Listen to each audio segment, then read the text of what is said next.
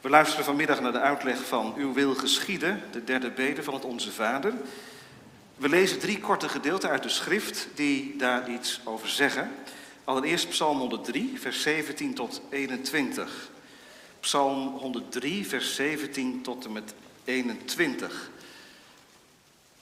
En dan ligt daar vooral de nadruk op de engelen die de wil van God volkomen uitvoeren. Een aspect van het antwoord van de catechismus. Psalm 103, vers 17 tot en met 21. Maar de goede tierenheid van de Heere is van eeuwigheid en tot eeuwigheid over wie hem vrezen, over wie zijn wil doen. Zijn gerechtigheid is voor de kinderen van hun kinderen, voor wie zijn verbond in acht nemen en aan zijn bevelen denken om ze te doen. De Heere heeft zijn troon in de hemel gevestigd, zijn koninkrijk heerst over alles. Loof de Heere, u zijn engelen, sterke helden die zijn woord uitvoeren gehoorzaam aan het woord dat hij spreekt. Loof de Heere, al zijn legermachten, dienaren van hem, die zijn wil, zijn welbehagen doen. Loof de Heere, al zijn werken op alle plaatsen van zijn heerschappij. Loof de Heere, mijn ziel. Vervolgens Romeinen 12, vers 1 tot en met 2. Romeinen 12, dat is het begin van de praktische uitwerking van wat Paulus in de hoofdstukken daarvoor geschreven heeft. En dat begint met een oproep om de wil van ons op het altaar te leggen. Romeinen 12, vers 1 en 2. Ik roep u er dan toe op, broeders, door de ontfermingen van God, om uw lichamen aan God te wijden als een levend offer, heilig en voor God welbehagelijk. Dat is uw redelijke godsdienst. En wordt niet aan deze wereld gelijkvormig, maar wordt innerlijk veranderd door de vernieuwing van uw gezindheid, om te kunnen onderscheiden wat de goede, welbehagelijke en volmaakte wil van God is. En dan tot slot Titus 2, vers 11 tot en met 15. Titus 2, vers 11 tot en met 15.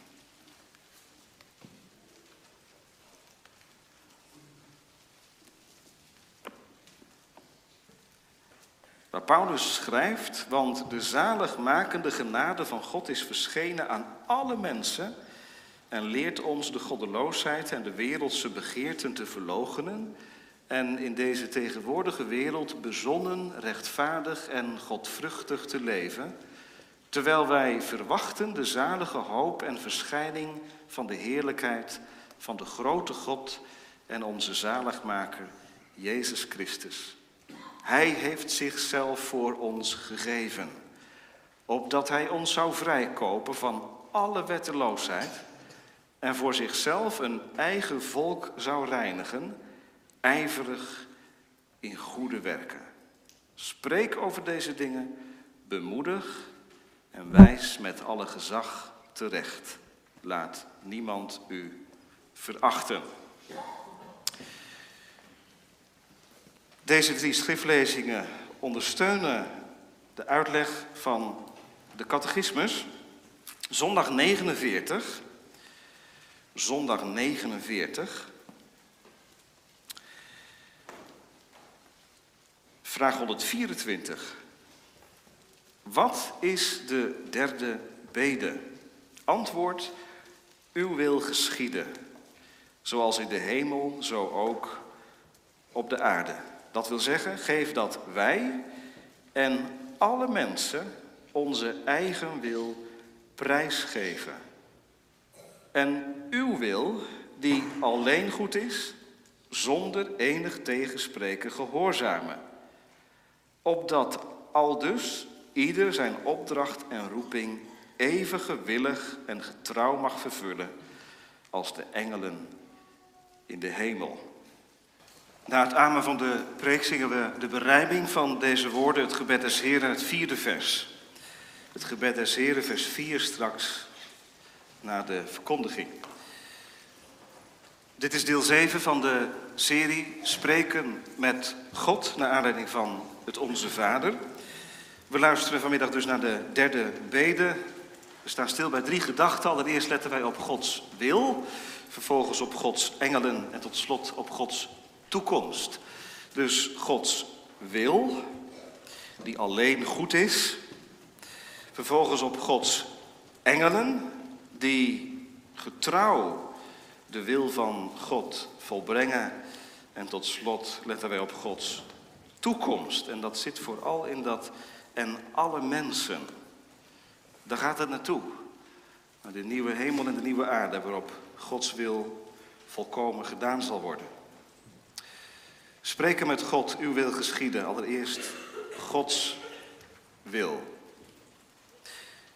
Gemeente van God te Apeldoorn, is dit gebed een gebod?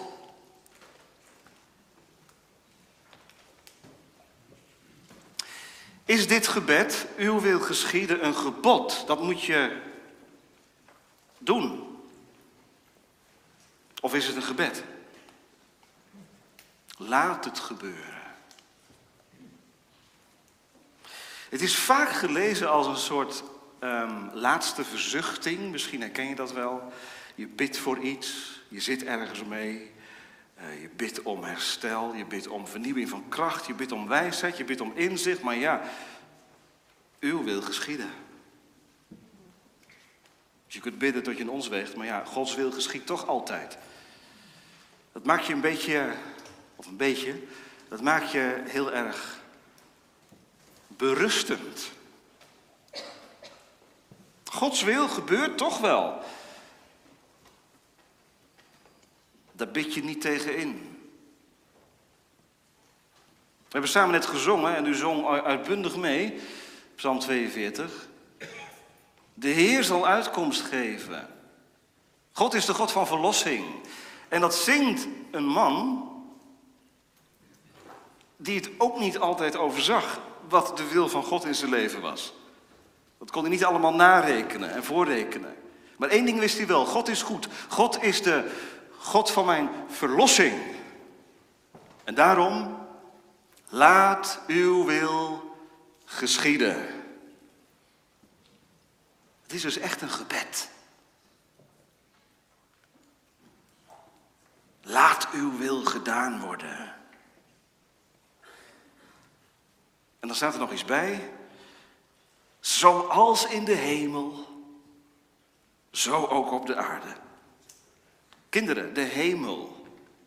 Wat is de hemel voor plaats? De hemel is de plaats waar de wil van God volkomen voor 100% gedaan wordt. We zullen dat straks horen. De engelen, die doen dat 100% en verloste zondaren die bij God in de hemel zijn, die doen dat ook. Dus de hemel is de plaats waar Gods wil volkomen gedaan wordt. En nou bidden wij vanmiddag, zoals de wil van God in de hemel volkomen gedaan wordt, laat het op aarde ook zo zijn.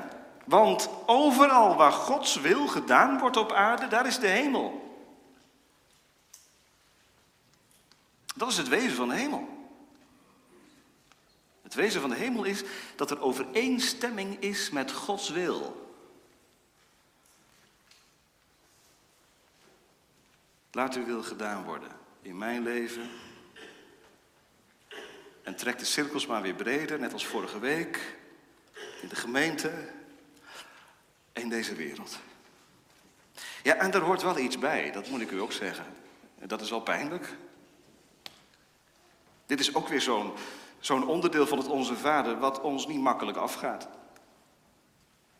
De uitleg van de catechismus is heel helder. Uw wil geschieden, dat betekent allereerst ja, dat ik mijn eigen wil prijs geef, opgeef, loslaat. Nou, van een baby zeggen we soms al wel eens, nou, die heeft een willetje hoor. Of van een peuter, die rond dwarrels in de kamer. Nou, nou, die heeft een willetje. Ja, die, die hebben, dat hebben wij. Ja, we hebben allemaal een willetje. een wil. En die wil wil maar één ding. Mijn wil. Dus dat botst geweldig vanmiddag met het, het Onze Vader, want daar gaat het over Gods wil. En de uitleg van de catechismus zegt erbij, Gods wil is alleen goed. Ja, God is goed, dus zijn wil en zijn geboden zijn ook goed. Maar onze wil is niet goed. Dat is de achtergrond. Onze wil is gebogen, kromgebogen. Paulus schrijft daarover in Efeze 2 bijvoorbeeld. Wij doen de wil van het vlees. Wat betekent dat, jongens? De wil van het vlees doen, dat betekent dat je voorrang geeft aan je eigen verlangens. Aan je eigen idealen. En dat is reden voor God om ons kinderen van de toorn te noemen. Waarom? Je verdient de toorn van God als je de wil van het vlees volbrengt. Vlees betekent hier dus het oude zondaar zijn.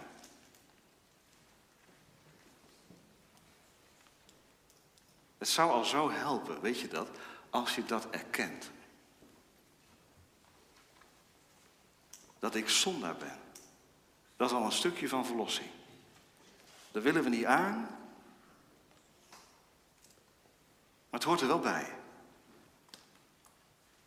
Ik wil niet wat God wil.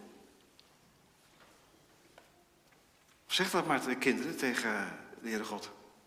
Iedere avond. Dat is een stukje eerlijk worden. Heere God, ik, ik wil, ten diepste wil ik niet wat u wilt. En als ik het wel wil, dan is het dankzij uw genade dat ik het ga willen. Diep van binnen weten wij ook wel, zeker als wij wat, wat ouder worden, dat wij niet in overeenstemming leven met Gods wil. We hebben toch een geweten gekregen van God. Nou, dat geweten, dat is de alarmbel. Als wij over de grens gaan, dan gaat je geweten spreken. Dat heeft God zo gemaakt. Een, een, een, stem in je, die ervoor zorgt dat je voortdurend hoort, fout, niet goed, zonde. Ja, ik weet ook dat je die, die, dat geweten van God het zwijgen op kunt leggen. Dat is heel gevaarlijk. Als je daarmee bezig bent, dan gaat het van, vanmiddag over jou. Kap daarmee, want dat is super gevaarlijk. Als je de, je geweten gaat sussen, ten onder gaat houden, de waarheid ten onder houdt.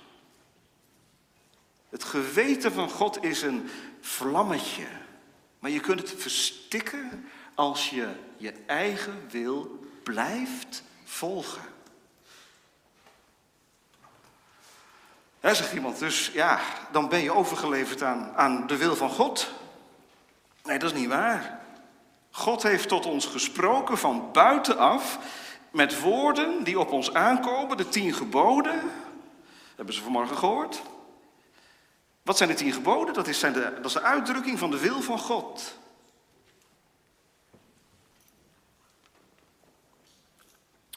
Ja, gaat ons dat gemakkelijk af? De wil van God houden? Was maar zo makkelijk, hè? Die tien geboden leg je als een leefregel naast je leven en je handelt ernaar en je leeft ernaar. En dan leef je in overeenstemming met Gods wil. Nou, dat is juist het probleem. Ik weet wat de wil van God is. Wij weten wat de wil van God is. Wij hebben de geboden van God gekregen. En toch is er intern een probleem. En dat probleem, dat lees ik af aan de uitleg. Geef dat wij onze eigen wil prijsgeven. Ik zie iemand voor mij die iets vasthoudt. Dat is van mij. En je moet het loslaten. Je moet het aan je vader geven. Nee, zeg je, het is van mij. Ik wil het niet loslaten. Geef het nou maar. Het is beter dat je het niet vasthoudt, dat ik het vasthoud. Geef het prijs. Je eigen wil prijsgeven. Hoe moet je dat doen? Gemeente, dat gaat ons niet lukken. Ben je erachter gekomen? Ontdek je dat, jonge mensen? Dat je je wil zelf niet kunt omturnen? Gefeliciteerd. Dat is een geweldige ontdekking. Als je erachter komt dat je je wil van God, dat je eigen wil niet in overeenstemming kunt buigen met de wil van God. Ik zeg er ook iets bij. God heeft voorzien in een oplossing. We hebben het samen gelezen, Titus 2. Dat is de oplossing. De zaligmakende genade van God is verschenen aan alle mensen en leert ons de goddeloosheid en onze eigen verlangens te verloochenen. Hij heeft zichzelf voor ons gegeven, opdat hij ons zou vrijkopen van alle wetteloosheid en voor zichzelf een eigen volk zou reinigen, ijverig in goede werken. Jezus is in de wereld gekomen om zondaren zalig te maken. Zondaren. Mensen die de wil van God niet doen. Die de wil van God overtreden. Gemeente, heb je de Heer Jezus nodig gekregen en blijf je hem nodig hebben?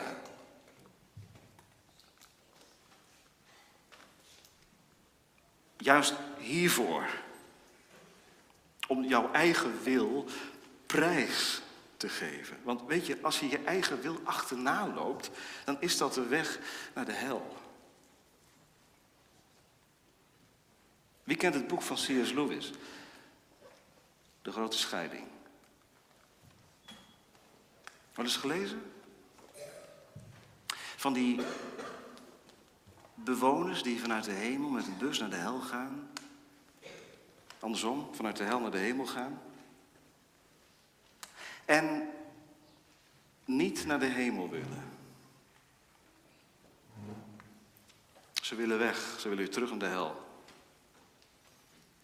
Weet je waarom? Omdat de hemel de plaats is waar je je eigen wil opgeeft. En waar Gods wil gedaan wordt. Dus als je je eigen egoïsme niet prijsgeeft, is de hel de plaats waar je je thuis voelt. Er is natuurlijk veel meer over te zeggen over de hel, maar dit is het ook. Je kiest ervoor. Het is een keuze.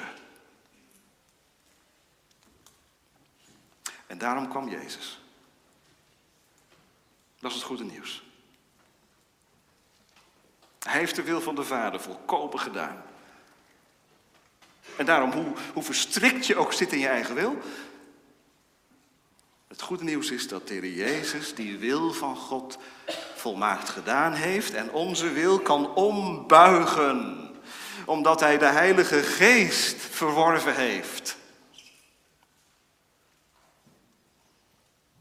Als je iedere morgen dit gebed bidt, je agenda ligt open, je bidt uw wil geschieden, dan, dan bid je, o God geef dat vandaag mijn wil prijsgegeven wordt en dat u door mij heen regeert, de regie heeft.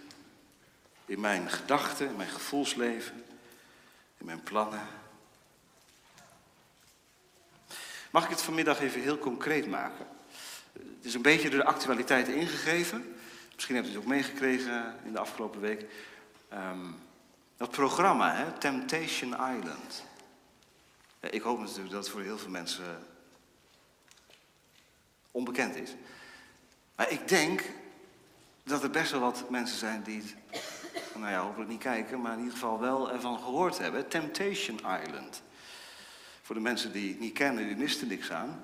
Maar het gaat om een paar koppels, een paar verliefde stellen, die ehm, naar een luxe uh, resort worden gestuurd. En ehm, gaan ze uit elkaar gehaald worden en dan komen er wat verleiders. En die verleiders, die proberen om die koppels uit elkaar te halen. En dan is de, de uitdaging om staande te blijven. En de grote vraag is, wie blijft staande? Wie laat zich niet versieren door een derde? maar zegt, ik blijf trouw aan wie ik trouw beloofd heb. Waarom noem ik dit? Nou, omdat de Bijbel dit ook noemt. Ik denk even aan 1 Thessalonicense 4. Daar staat letterlijk, dit is de wil van God. Paulus schrijft, dit is de wil van God, uw heiliging. En dan gaat het over een leven in reinheid. En je verre houden van ontucht en van perversiteit. De wil van God botst met mijn wil. Anders gezegd, mijn verlangens botsen met Gods wil. De wil van God is heiligheid, zuiverheid, puurheid. Wat heeft het dan met die film te maken? Nou, en dan kom ik eigenlijk bij mijn punt. Die film, of die, die uitzending, die mag u natuurlijk laten voor wat het is. Maar wij leven in een wereld die eigenlijk Temptation Island is. Een planeet waar tal van verleidingen zijn. Tal van verzoekingen. En via de beelden komen ze bij ons binnen. En we zijn er zo aan verslaafd. En dan gaat het vanmiddag over de wil van God. En de wil van God is heiligheid en zuiverheid en puurheid. Zo ben je geschapen. Zo kom je tot je bestemming. En je ontdekt bij jezelf, maar ik sta zomaar in vuur en vlam. Als ik beelden zie. Die het daglicht niet kunnen verdragen. Hoe moet dat? Dat kan echt een heel groot probleem zijn. Als je verslaafd bent. Dan kun je wel een mooie preek horen vanmiddag. Hoe kom je nou vanaf? Uw wil geschieden. Dat is dus niet, nou ja, hopelijk komt het een keer goed. Laat uw wil gedaan worden in mijn leven. Durf je te bidden vanmiddag? Laat uw wil gedaan worden in mijn leven. Zoals in de hemel, zo ook op de aarde. Dat is het eerste kenmerk van bekering. Dat je gaat willen wat God wil. Nee, ik zeg niet dat het allemaal vanzelf gaat dan. Maar net als Paulus bid je, Heer, wat wilt u dat ik doen zal? U mag het zeggen. Hier is mijn leven. Hier is mijn tijd. Leer mij naar uw wil te handelen. Als je dat bidt, krijg je de strijd er vanzelf bij. Dan pas ontdek je dat er een proces gaande gaat worden in je leven. Strijd tussen vlees en geest. Je wil prijsgeven, dat wil je niet. Ook als je genade ontvangen hebt, is dat een struggle. Nooit zag Paulus zo duidelijk dat zijn oude mens tegen God inging als toen hij ging willen wat God wil. Nou ja, het is toch ook een geestelijke strijd, het christenleven. Als jij het zo ervaart, dan klopt dat ook. Als je het niet zo ervaart, dan klopt het niet. Het is een geestelijke strijd. Even zes.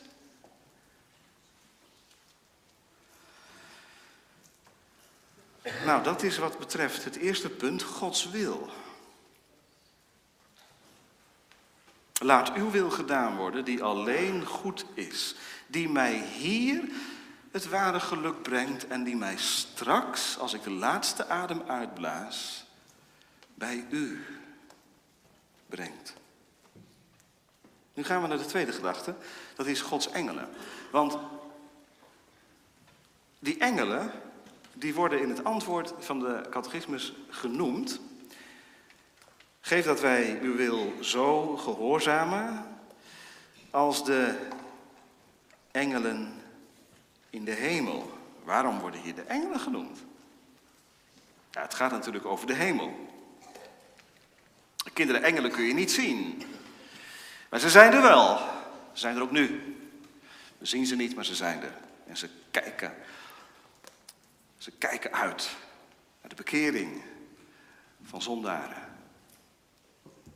Engelen van God, wat zijn dat voor wezens? Ze zijn Gods dienaren. Gods getrouwe dienaren. Denk even aan Hebreeën 1, vers 14, waar staat dat de engelen gedienstige geesten zijn. Dat betekent dat ze uh, altijd klaarstaan om de wil van God te doen. Met heel hun hart, nooit met tegenzin. We zingen dat hè, met Psalm 103. Het is het verlangen van de engelen om te letten op de wil van God. Wat wil God? En dan zijn de engelen altijd bereid om die wil van God te doen. Altijd bereid, maar ook ononderbroken. Ter allen tijden. Engel wordt er niet moe van. En ook onvoorwaardelijk. Wat voor opdracht God ook geeft aan de engelen. De engelen die vervullen die opdracht van harte. Of het nou een uh, boodschap is aan Maria, of dat het een vreselijke opdracht is om Assyrische soldaten om te brengen. Ze gehoorzamen tot uw dienst. Nu worden de engelen hier dus ingevoegd in dit antwoord om als een spiegel voor ons te zijn. De hemel is een voorbeeld voor de aarde. Christus wil dat de aarde gaat lijken op de hemel. Dat wij onze opdracht en roeping zo gewillig en getrouw mogen vervullen, zoals de engelen in de hemel. Ja, zegt iemand, dat is toch onmogelijk? We zijn op de aarde en we blijven op de aarde. De aarde is bij tijd een hel, maar geen hemel. Dat is helemaal waar. Maar Jezus heeft zijn discipelen wel geleerd. U wil geschieden zoals in de hemel, zo ook op de aarde. Dus je bidt eigenlijk tegen je eigen verwachtingen in. Hier is geloof voor nodig. Geloof dat Gods kracht hiertoe in staat is. Dat ik op mijn plek getrouw en gewillig mijn opdracht, mijn roeping mag vervullen zoals de engelen in de hemel. Dat is wel bijzonder, hè? Het gaat hier niet over hele aparte dingen of zo. Het gaat over je opdracht, over je roeping. Zie je dat? Wat is je opdracht? Wat is je roeping? Is het op school misschien? Is dan dit gebed ook voor, voor kinderen op school? Ja, natuurlijk. Natuurlijk. Ik weet niet hoe oud je bent. Maar als je dit gebed bidt, uw wil geschieden zoals in de hemel op de aarde, dan, dan bid je eigenlijk, geef dat ik in de klas en op het schoolplein. Uw wil mag doen. Nou, wat zou de wil van God zijn? Eerlijk zijn? Vriendelijk zijn? Eh, niet zomaar van je afslaan? Ik wil wat God wil. Leven naar zijn wil. Eh, wat zou dat voor je betekenen als jongere dan? Dat je open kaart speelt voor God. Heer God, ik merk aan mezelf, ik verander. Ik ben 13, 14, 15 jaar. Ik ga naar het voortgezet onderwijs voor het eerst dit jaar. Of um, ik zit in de tweede, in de derde. ja, er komt echt wel heel veel op me af. Die plaatjes in die app. Leuk toch? Blote vrouwen. Gebeurt hè? Wat is dat dan? Uw wil geschieden. Nee, Heer God, nee. Uw wil geschieden, dat wilt u niet. Dat is niet goed voor mij. Feestje. Lekker drinken. Even uit je dak gaan. Moet toch kunnen? Ja, wie zegt dat? Het is moeilijk, hè? Om dan ervoor te staan. Terwijl anderen misschien zeggen, joh, niet zo moeilijk man. Even de teugels laten vieren, kom op hé. Uw wil geschieden, gelijk in de hemel zoals ook op de aarde. Wat is mijn roeping? Wat is mijn opdracht nu, op dit kruispunt? Ik kan kiezen tussen mezelf laten gaan of nee zeggen. En ik kan het niet in eigen kracht.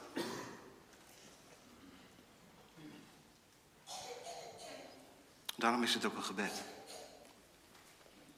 Want zo zwak als je bent, zo zwak als je je voelt, is de Heilige Geest gegeven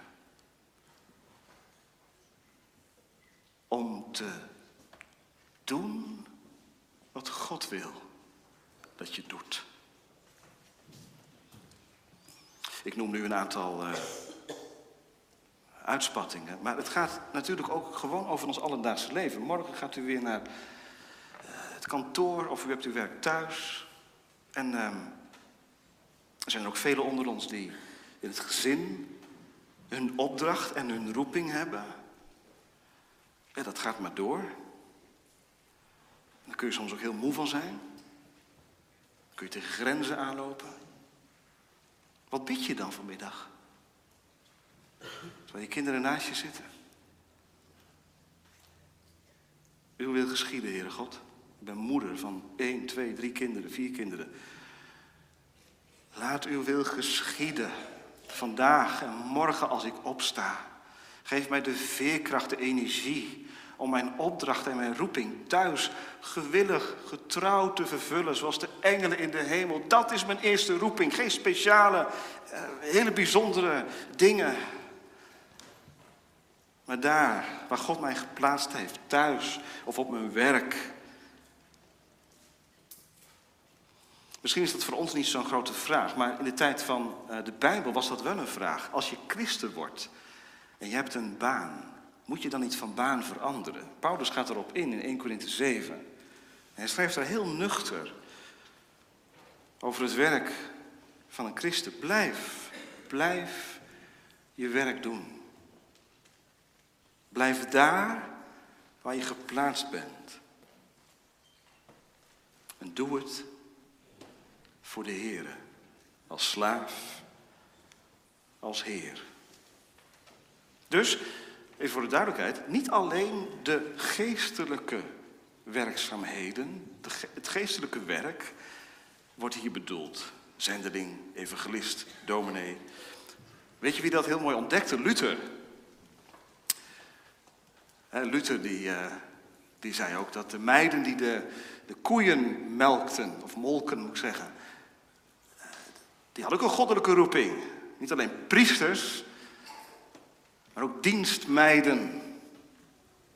Prachtig. Hij trok het allemaal op één vlak. Wat jouw roeping, wat jouw opdracht is, daar moet je je dienstbaar maken. Denk eens aan de engelen morgen als je om acht uur wegrijdt. Uw wil geschieden. Laat uw wil gedaan worden. Ja, hoe dan? Nou, door trouw te zijn. Terwijl er heel veel oplichting om mij heen gebeurt. Gewillig gehoor te geven aan de opdrachten die ik moet uitvoeren. Niet sjoemel met geld of tijd. Eerlijk zijn. Transparant. En door je roeping waar te nemen, geschiet Gods wil op aarde. Dan is het niet alleen meer, ja, die collega die gaat naar de kerk. Maar die collega, dat is gewoon een integere man. En dat is niet alleen een kwestie van persoonlijkheid, maar dat is een christen. Dat is een christen. Zo te bidden. Zo morgen naar je werk te gaan. Laat iets van de hemel op de aarde geschieden. Nu al. Want er komt een tijd dat de hemel de aarde zal vervullen. Dat is het laatste punt, Gods toekomst. Eens zal de aarde op de hemel lijken. Kun je niet voorstellen, hè? Het is wel zo. Zeker als je Deze derde bede ziet in het verlengde van de tweede. Uw koninkrijk komen, geeft dat uw rijk zal aanbreken wanneer u alles zult zijn in alle. Hoe breekt Gods rijk dan baan? Door te bidden, uw wil geschieden, nu al en straks volkomen. En dan wijs ik u even op een heel klein onderdeeltje van het antwoord. Je zou er zomaar overheen lezen. Maar het is bewust toegevoegd. Geef dat wij en alle mensen. Het is niet alleen een persoonlijk gebed gericht op jezelf. Het is een gebed met open ogen naar de wereld om je heen. Naar alle mensen die de wil van God met een korreltje zout nemen. Of die de wil van God overtreden. Geef dat alle mensen hun wil prijsgeven. Is dat een hopeloos gebed? Nee, Jezus heeft het ons geleerd. Uw wil geschieden, zoals in de hemel, zo ook op de aarde. Het is niet zonder nut om te bidden voor je buren, voor je collega's. Om te zoeken naar verbindingen in de wereld om je heen. Het Onze Vader is een gebed gericht op ons hart en tegelijk gericht op de wereld waarin wij leven. Deze geschiedenis gaat ergens naartoe. God zal er zelf voor zorgen dat zijn wil op aarde volkomen gedaan wordt. Maar het zou toch geweldig zijn als u u en mij daarvoor gaat inschakelen? Zou je dat niet willen? Als je aangeraakt bent door de geest van God, is toch ook iets van een verlangen in je. Heer, geef dat ik mij mag geven in uw dienst door trouw mijn opdracht en roeping te doen. O God, geef dat ik in mijn leven anderen wakker mag schudden.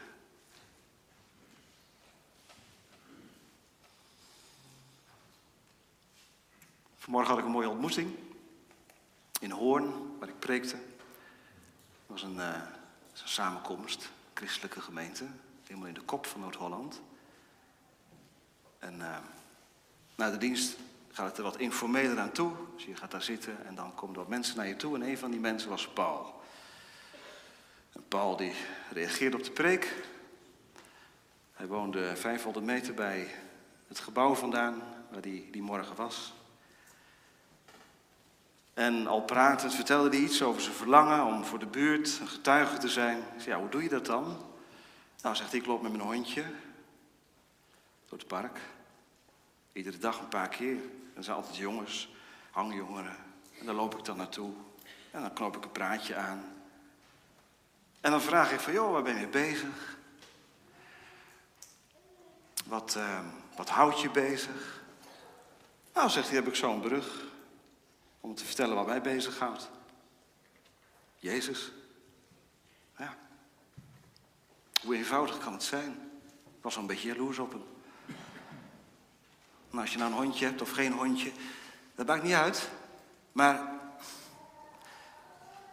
iets van die, misschien is dat het ook wel, hè.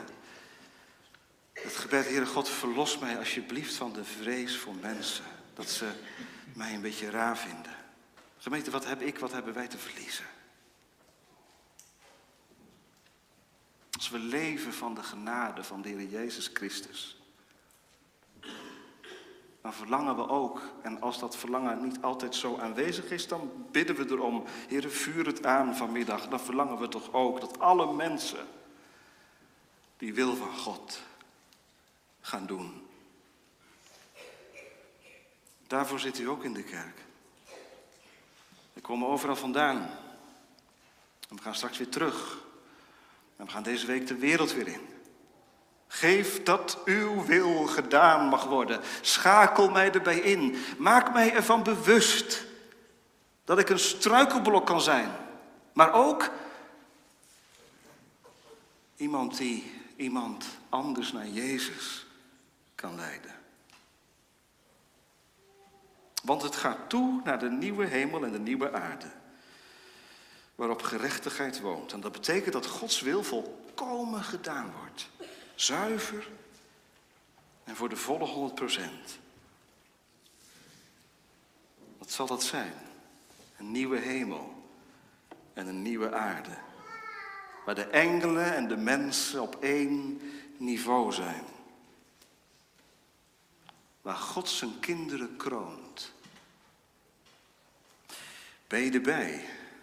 Zal God straks tegen je zeggen: Kom binnen.